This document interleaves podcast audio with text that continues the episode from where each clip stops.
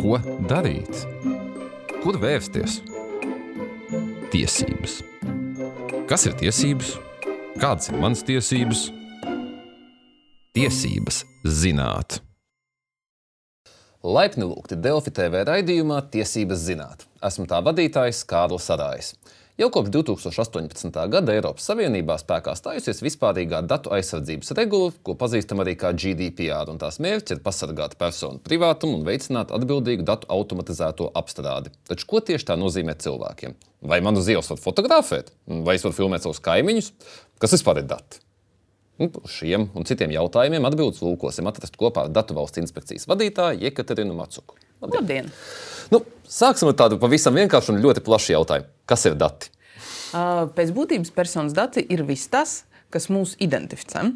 Uh, bet, uh, piemēram, mūsu vārds, uzvārds, personas kods.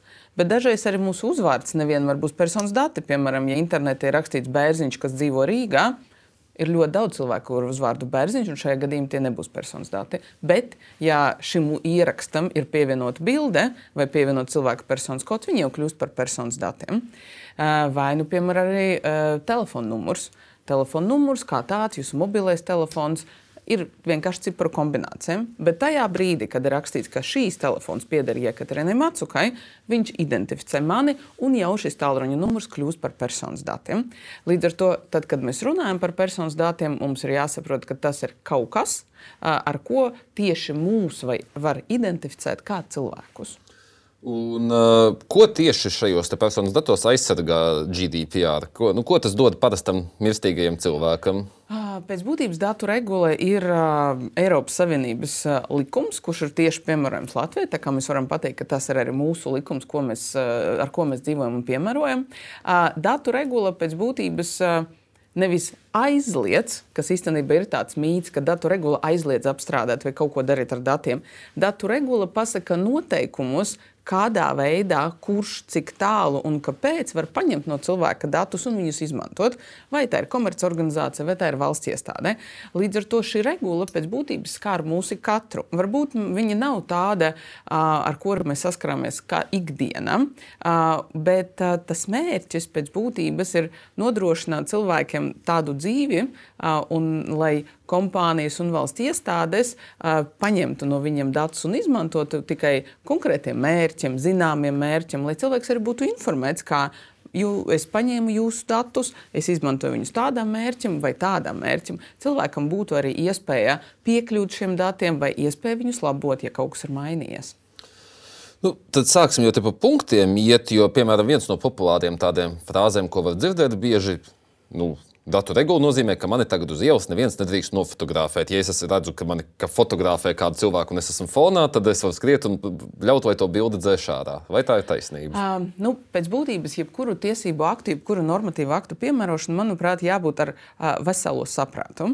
Un tāpēc arī datu aizsardzībai ir jāpiemēro tas veselais saprāts. Protams, ja kāds jums stāv blakus un fotografē tieši jūs, un jūs neesat ne populāra megazvaigzne, jūs nepiedalāties kāda publiskajā pasākumā, jums ir tiesības tam cilvēkam paprasīt, kāpēc jūs fotografējat tieši mani, ko jūs ar to darīsiet. Bet, ja jūs ejiet pa Vermaņu parku, un tur ir ļoti daudz cilvēku, kuri vienlaicīgi bildējas ar skaistām rudens lapām, un, protams, tajā brīdī, kad tas cilvēks bildē savu selfiju, jūs varat būt fonā, uz to datu regula neatiecās, jo tā cilvēka cilvēka mērķis ir nofotografēt sevi, nevis jūs. Un, ja mēs iedomājamies kaut kādus publiskus pasākumus vai vietas, kuras ir ļoti populāras, piemēram, ja jūs aizbrauksiet arī ceļojumā uz Parīzi un nu, gribēsiet nofotografēties pie Eifeļa torņa, diez vai jums tas izdosies bet, bez kādu citu cilvēku fonā. Tāpēc ir jāsaprot, vai tie ir tieši jūs, kurus ir mērķis, vai kāds cits. Tāpat mums arī ir jāsaprot, ka, ja mēs piedalāmies paši kaut kādos publiskajos pasākumos, vai tas būtu kaut kāda pieminiekļa atklāšana, vai tas būtu kaut kāds mītings, kur mēs protestējam par savām tiesībām. Mums, mēs, mums arī ir jāsagaida, ka mēs atrodamies publiskajā vietā, un ir žurnālisti, kuri to visu filmē, lai atkal atspoguļotu, ka tiešām uz šo pasā, šī pasākuma atklāšanu bija atnākuši vairāki cilvēki, vai, piemēram, uz hokeja komandas eh, sagaidīšanu no lidosta bija atnākuši fani, tad tie fani var parādīties gan bildēs, gan televīzijas uh, sižetos. Es saprotu, ka to, ka galvenais laikam ir piekrišana. Tikt arī, un ka varbūt gadījumi, kā jūs sakat, teiksim, šis mītiņš, kas, ka tā piekrišana tiek, tā teikt, dota ar, ar savu dalību. Es tā to saprotu. Nē, gluži otrādi. Piekrišana šajā gadījumā nu, nemaz nav vajadzīga vai vispār iespējama. Jo datu regula paredz, ka jūs varat izmantot personas datus ne tikai balstoties uz piekrišanu. Piekrišana tikai ir viens no sešiem tiesiskiem pamatiem. Un, uh, mums ir arī sabiedrības intereses. Uh, mums uh, arī ir leģitīmas intereses, kad persona grib aizsargāt savas tiesības, kaut kādas citas. Uh, piemēram, žurnālistika vispār ir ārpus uh, regulas tvērumā, jo tas arī ietilpst sabiedrības intereses. Tāpēc, ka, ja žurnālistiem neļautu kaut ko filmēt vai parādīt, piemēram, ja žurnālisti atklāja, ka kā, kādi politiķi piedalās kaut kādā pasākumā, kurš iespējams ietekmē arī viņu vēlētāju vēlētāju viedokli par viņiem. Žurnālistiem ir tiesības to radīt. Un pat ja deputāts vai kāda cita persona pateiks, nē, es nepiekrītu, šajā gadījumā viņa piekrišana nav svarīga. Uh, arī attiecībā uz, uh, tāpēc uh, publiskajos pasākumos drīzāk mēs skatāmies uz tām sabiedrības interesēm. Uh, protams, tam, kurš organizē šo publisko pasākumu, cilvēks ir jābrīdina. Kā piemēram, mēs organizējam festivāli vai skriešanas maratonu, un maratona laikā notiks fotografēšana. Un, ja cilvēks pēc tam ļoti nepatīk, kā viņš ir sanācis tajā bildē, vai ir kaut kāda iebilduma, viņš var vērsties pie organizatora, norādīt, re, kur šī ir bilde, lūdzu, izdzēsiet viņu no uh, interneta. Uh, bet uh, cilvēks tās teiksim, pirms tam nevar aizliegt viņu fotografēt, jo būsim arī atklāti. Nu, Atkal piesim ar saprātu, ja jums maratona piedalā 5000 vai 10,000 cilvēku, diez vai jūs varēsiet vienkārši fiziski paprasīt visam piekrišanas. Turklāt arī maratona organizatoriem ir svarīgi parādīt, ka maratons tiešām ir bijis. Jo, ja viņš, nebū, viņš pateiks, ka maratona piedalīs 10,000 cilvēki, bet bildes būtu redzama tikai 5, ir jautājums par to, vai tiešām tāds pasākums ir noticis, vai viņš ir patiesa un īsts. Jūs minējāt arī tādu lietu kā nu, leģitīmās intereses, un uh, viena no tām ir arī nu, manā izpratnē, varētu būt drošība. Bet es esmu arī lasījis, ka, teiksim, tīpaši ārzemēs, interpretējot to regulu, saka, ka novērošanas kamera drīkst filmēt tikai teiksim, mājas ieeju un nekādā gadījumā ielu, kas tā iet blakus. Uh, un kā šī gadījumā, uh, vai, vai tā ir taisnība, ka, piemēram, ja es gribam savai daudz dzīvokļu mājai, mums ir bail, ka būs vandālisms, gribam uzlikt novērošanas kameru, ka tā nedrīkst filmēt garām gājējus. Jā, un šeit mēs varbūt varam nodalīt. Leģitīmas intereses tas tiešām ir tas uh, intereses, kas man dod uh, citas manas tiesības. Piemēram, man ir nekustamais īpašums, man ir māja. Un likums pasaka, ka es varu pasargāt savu nekustamo īpašumu. Es esmu brīvs rīkoties ar savu nekustamo īpašumu, un man ir tiesības uz viņa aizsardzību, lai viņš neviens nesalaustu, nenodarītu viņu pāri un neapzaktu mani. Un šīs ir leģitīma interese, kuru es aizstāvu tajā brīdī, kad es uzstādu kameru. Kāpēc es viņu uzstādu? Lai pasargātu sevi no cita noziedzīga nodarījuma, kas var apdraudēt manu īpašumu. Man ir tā leģitīma interese.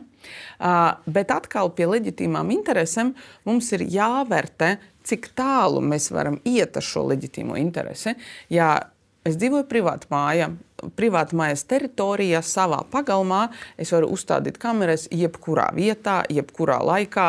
Uz to datu regula pat nebūs attiecināma, jo tas būs jūsu maisaimniecības vajadzības, jo tā ir jūsu iekšējā teritorija. Tajā brīdī, kad jūs vēlaties uh, paskatīties arī, kas notiek ārpus jūsu vārtiem, un, piemēram, filmēt uh, nu, piebraucamo ceļu vai daļu no trotuāra, tur ir arī vērtējams aspekts, cik tālu uh, vai ja jūs uzstādāt kameru, kuru filmē vienu, divus metrus no jūsu ieejas, Tās ir leģitīmas intereses. Vienīgais, kas jums jāizdara, jums ir jāuzliek zīmīte, ka te notiek video novērošana, jo tie garam gāja, kur ies pa trotuāru, jūs viņus visu laiku filmēsiet. Tajā pat laikā, ja jūs nolemsiet uzstādīt šo kameru tādā vietā un veidā, ka tā kamera tieši arī skatās uz jūsu kaimiņa pagalmu un, uh, un aptver ne tikai vienu metru, bet aptver 600 metrus, uh, kur kaimiņš varbūt sauļojas vai, vai nodarbojas ar savām lietām, tas jau būs pārmērīgi. Un šādā veidā jūs nevarēsiet uzstādīt kameru. Līdzīgi kā, piemēram, arī uzstādīt kameras, kuras uh, novēro visu ielu un, un vēl, jo tehniskā specifikācija kameram šobrīd ir ļoti liela.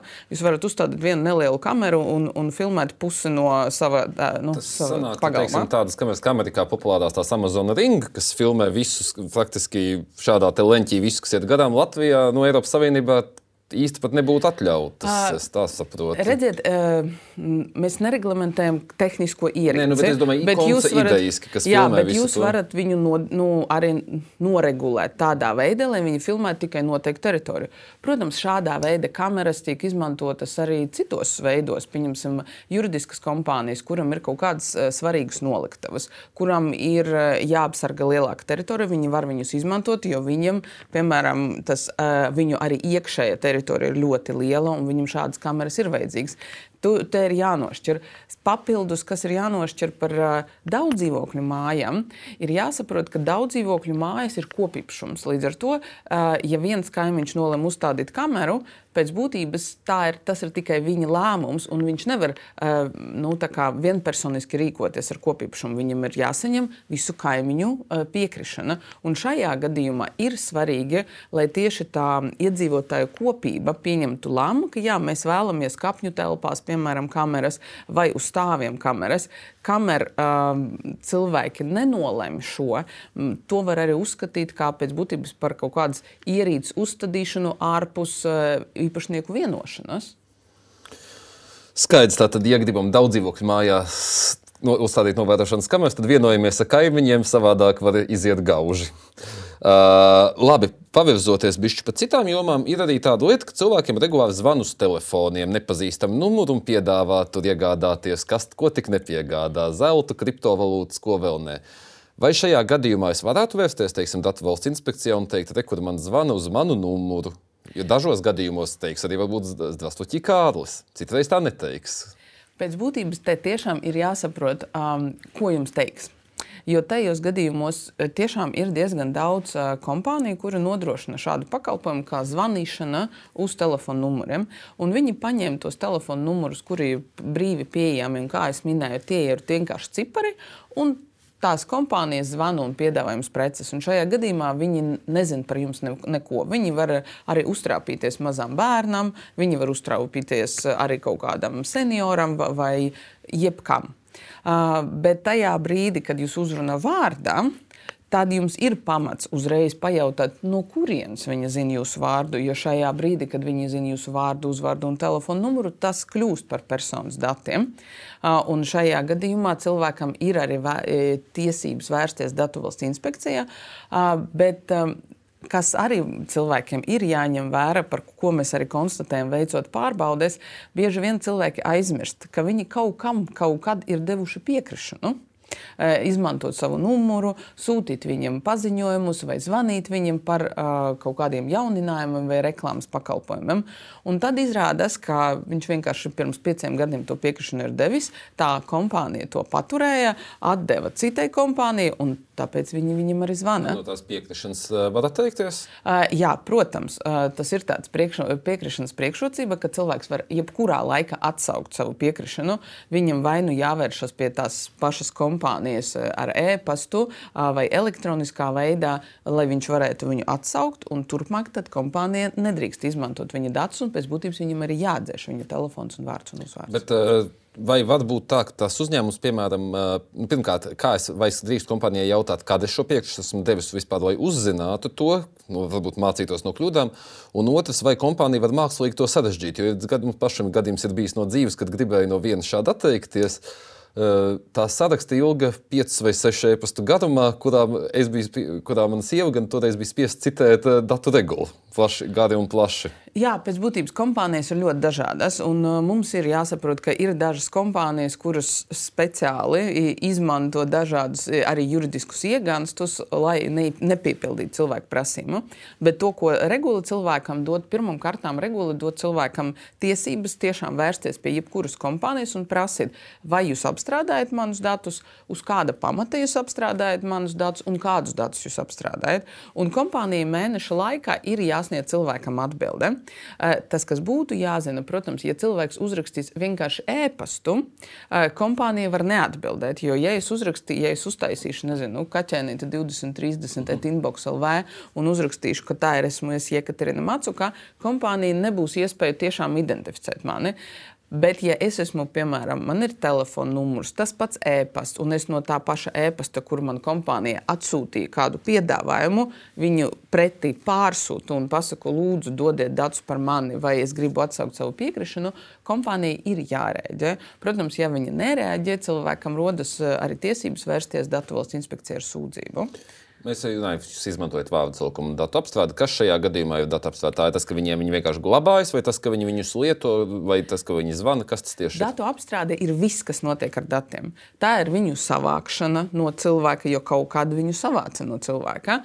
Tā ir glabāšana uh, kompānijas serveros, e-pastos, vēl kaut kā. Tā ir arī izmantošana, sūtot cilvēkam paziņojumus, uzrunājot cilvēku, izmantojot viņu telefonu. Līdz ar to, kad mēs runājam par uh, personas datu apstrādi, mēs runājam par visu, ko dara ar datiem, arī publiskošanu. Uh. Par publiskošanu tieši man radās jautājums. Bija nesen uh, 14. saimnes vēlēšanas, devos nobalsot, un tur ir mana vārda raksta tādā lielā kladē, kur ieraksta manu vārdu, uzvārdu, personas kodu. Bet, kamēr raksta, es varu ļoti mierīgi redzēt uh, nu, desmit citu cilvēku vārdu, uzvārdu, personas kodu. Vai šādā gadījumā tā arī nav kaut kāda veida nekorekta datu apstrāde, ka pilnīgi visi var redzēt šos datus, kas it kā ir tomēr sensitīvi? Nu, pēc būtības ir tā, ka datu regula attiecas tad, kad mēs uh, izmantojam un apstrādājam datus elektroniskajā vidē vai kartotēkas. Šajā gadījumā tas saraksts nav kartoteka, jo tas darbinieks, kurš raksta vārdus un uzvārdus, viņš nezina kurš nāks pirmais, kurš otrais, un vai vispār kāds arī atnāks uz to sarakstu.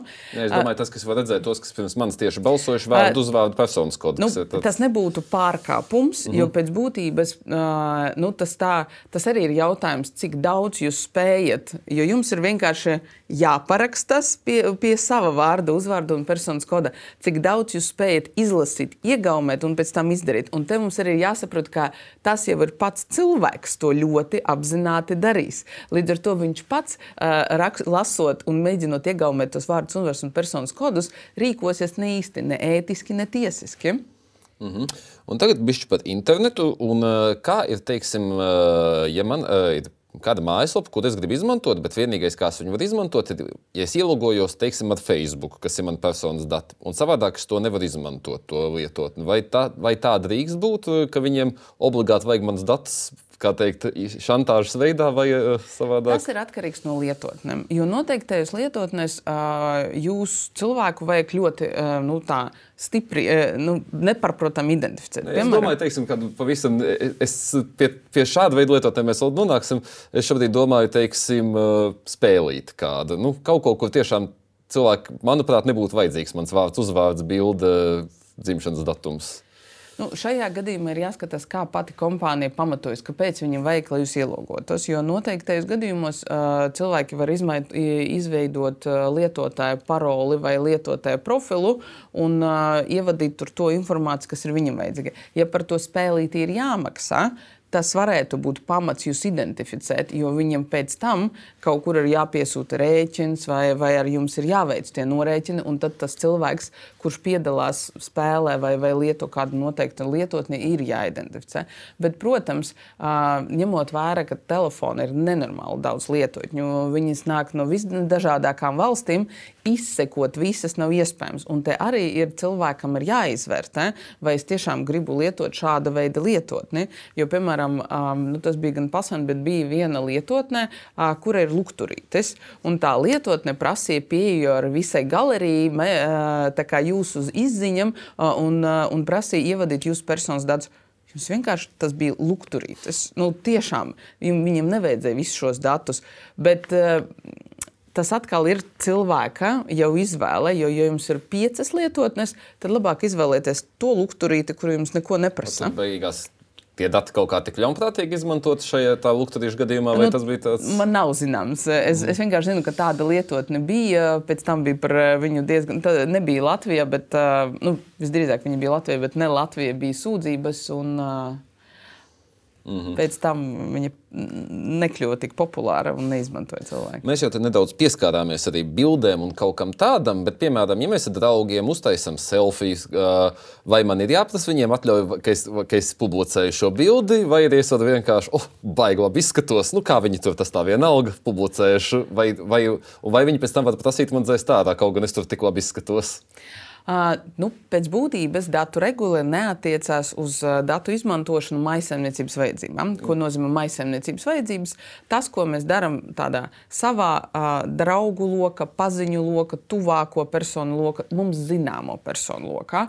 Tas varētu būt arī klases biedri. Ja, pieņemsim, tie ir vecāku uh, čats, ja mans bērns iet uz bērnu dārzu, mums ir vecāku čats, mēs apstāvamies ar kaut kādām bildēm, mēs zinām viens otru un šajā gadījumā uz to to visu datu regulu neatiecās. Tas pats, kas mūsu telefonā, mums ir varbūt pierakstīti kādi paziņu vai draugu vai nedraugu numuri ar, ar komentāriem vai ar kādu citu informāciju, tas viss ir maisaimniecības vajadzībām. Kamēr mēs viņu nenopublicējam internetā, tagad prasu to. Un šajā gadījumā ir jautājums, vai mēs viņu internetā publicējam savā atvērtajā profilā vai nu savā mm, slēgtajā profilā. Atvērtajā. Man tieši interesē par to atvērto, kur uh, visvairāk cilvēku nu jā, par to atvērto, protams, ja tā ir draugu bilde, mēs varam runāt par to, ka tā ir uh, maisaimniecības vajadzībām, jo jūs bijat vienā pasākumā, jūs viens ar otru esat pazīstami, un galu galā, tad, kad jūs taisiet selfiju, viņi arī saprata, ka jūs visi taisat selfijas.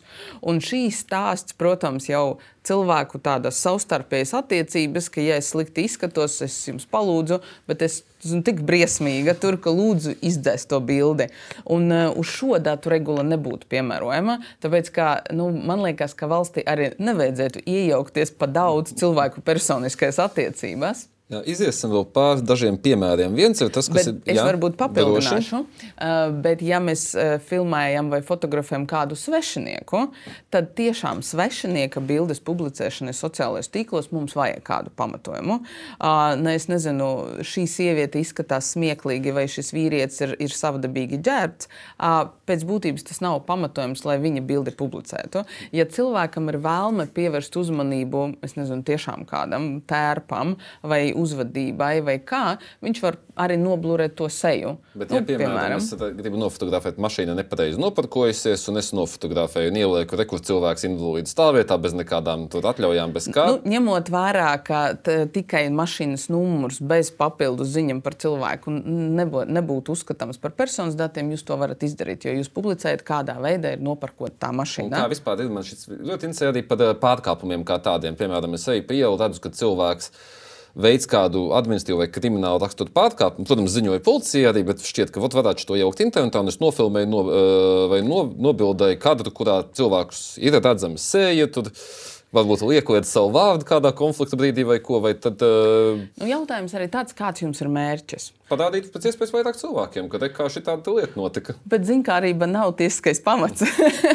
un, un šīs arī ir stāsts, jo tajā brīdī, kad jūs redzat kaut kādu notikumu, jūs nezināt, kādā veidā tas ir noticis, kāpēc, kurš no viņiem ir vainīgs, kurš nevainīgs. Un šajā gadījumā jūs parādāt to pasākumu, bet tālāk tas var izraisīt gan negatīvas sekas tiem cilvēkiem attiecībā uz viņiem. Piemēram, kā kāds teiks, ah, jā, viņš tur sit to nabagu cilvēku vai vēl kaut ko. Bet otrādi, iespējams, viss bija pavisam citādāk. Bet kā vai nu... ir ar tiem, teiksim, TikTok regulāri šī publicē, vai, teiksim, Latvijas inspekcija nesaskarās tagad ar šādām problēmām arī, kad um, daudz. Mēs, protams, arī saskaramies, bet uh, tas arī ir tas stāsts, ko mēs aicinām cilvēkus pirms kaut ko publicēt, pārdomāt. Jo tajā brīdī, kad cilvēki to visu publicēja, pirmkārt, ir ļoti grūti nu, atrast to, kurš ir nopublicējis. Jo, piemēram, tajā pašā TikTokā vai Facebookā ļoti daudziem cilvēkiem nav viņu īstais vārds vai uh, uzvārds, un, un mēs kā valsts iestāde vienkārši nespējam viņu atrast. Un, uh, tad, uh, tās, nu, tā, tas cilvēks, kurā bilde vai, vai video ir publicēts, viņam viens labs veids ir vērsties pie pašas platformas, norādīt, ka es nebiju devis piekrišanu un šādā veidā nu, fotografija vai video nesatur nekādu sabiedrības varbūt, ievērības vērtu pasākumu, un tad platformas arī izdēš to informāciju. Mm. Un tas ir bieži vien pirmām kārtām cilvēks var vērsties pie tā pie paša publicētāja un lūgt vai nu noblūrēt seju, vai nu izdēst to informāciju. Pēc tam vērsties pie platformas. Ja tie visi ne, nedarbojas, viņš var vērsties Datu valsts inspekcijai, bet es vienmēr uh, visiem stāstu, mums nav podziņas izdzēst no Facebook vai YouTube. Tas ir ļoti ilgs process, kad mēs uh, spēsim kaut ko izdarīt un arī vērsties uh, pie Facebook vai YouTube, lai to dzēstu. Uh, bet, um, Jo šeit, manuprāt, arī viens, eh, kas cilvēkiem ir jāzina, nu, ir tā ētiska būt, būtība. Jo bija viens gadījums, piemēram, kad arī viens, tas arī bija TikTokā, um, Rīgā. Tas bija pasākums, kur viena sieviete, viņa bija absolūti kailā, uh, viņu aizturēja policija uz ielas ar nazi, uh, un kāds bija to nofilmējis un nopublicējis. Pēc būtības šajā gadījumā nu, tas ļoti aizskara tas sievietes uh, dzīvi, iespējami, jo tajā brīdī, kad tas video bija publicēts, nebija zināms, vai tā sieviete ir upurs, uh, vai tā sieviete ir potenciālais noziedznieks, kas tur ir noticis. Bet viņas sejas publicēšana pēc būtības sabiedrībai neko labu nedeva, tikai ziņkarībā. Un šajā gadījumā jā, nu, mums tiešām arī jādomā par to morāles un ētiskuma apsvērumiem tajā brīdī, kad mēs gribam kaut ko parādīt un uh, nopublicēt. Tā, mums jau arī tuliņa raidījumam atvēlētais laiks beidzas.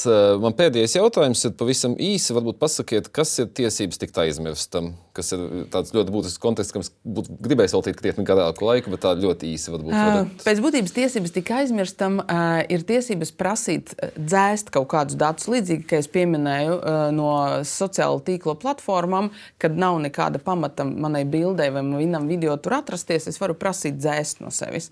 Te gan mums ir jāsaprot, ka tiesības dzēst savus datus nav absolūtas. Es nevaru aiziet pie valsts ieņemu dienesta un paprasīt dzēst mani no nodokļu maksātājiem. Es nevaru aiziet un paprasīt kompānijai dzēst manus datus, ja es neesmu samaksājis viņam rēķinus, un, un viņi atdeva tos da, manus datus parādu piedzinējiem. Es varu prasīt dzēst datus tad, kad es uzskatu, ka tai pusē, vai tā ir valsts iestāde, vai tā ir privāta organizācija, nav tiesiska pamata manu datu apstrādē. Uh -huh. Un tajā gadījumā es tiešām varu uh, prasīt dzēst tos datus. Vai tas, kad, kad tas pamats ir beidzies? Piemēram, man jau ir sniegts pakalpojums, es visu saņēmu, ir pagājuši nezinu, trīs gadi, ko es varu apstrīdēt rēķinu, un kompānija ir pienākums dzēst. Ja viņi nav dzēsuši, es varu prasīt viņiem dzēst savus datus. Skaidrs. Mēs noteikti varētu šo sarunu turpināt vēl krietni ilgāk, bet šoreiz teikšu jums paldies par par sarunu. Un, dārgie skatītāji, ar jums tiksimies jau pēc divām nedēļām. Atcerieties, mums visiem ir tiesības zināt savas tiesības. Atā! thank you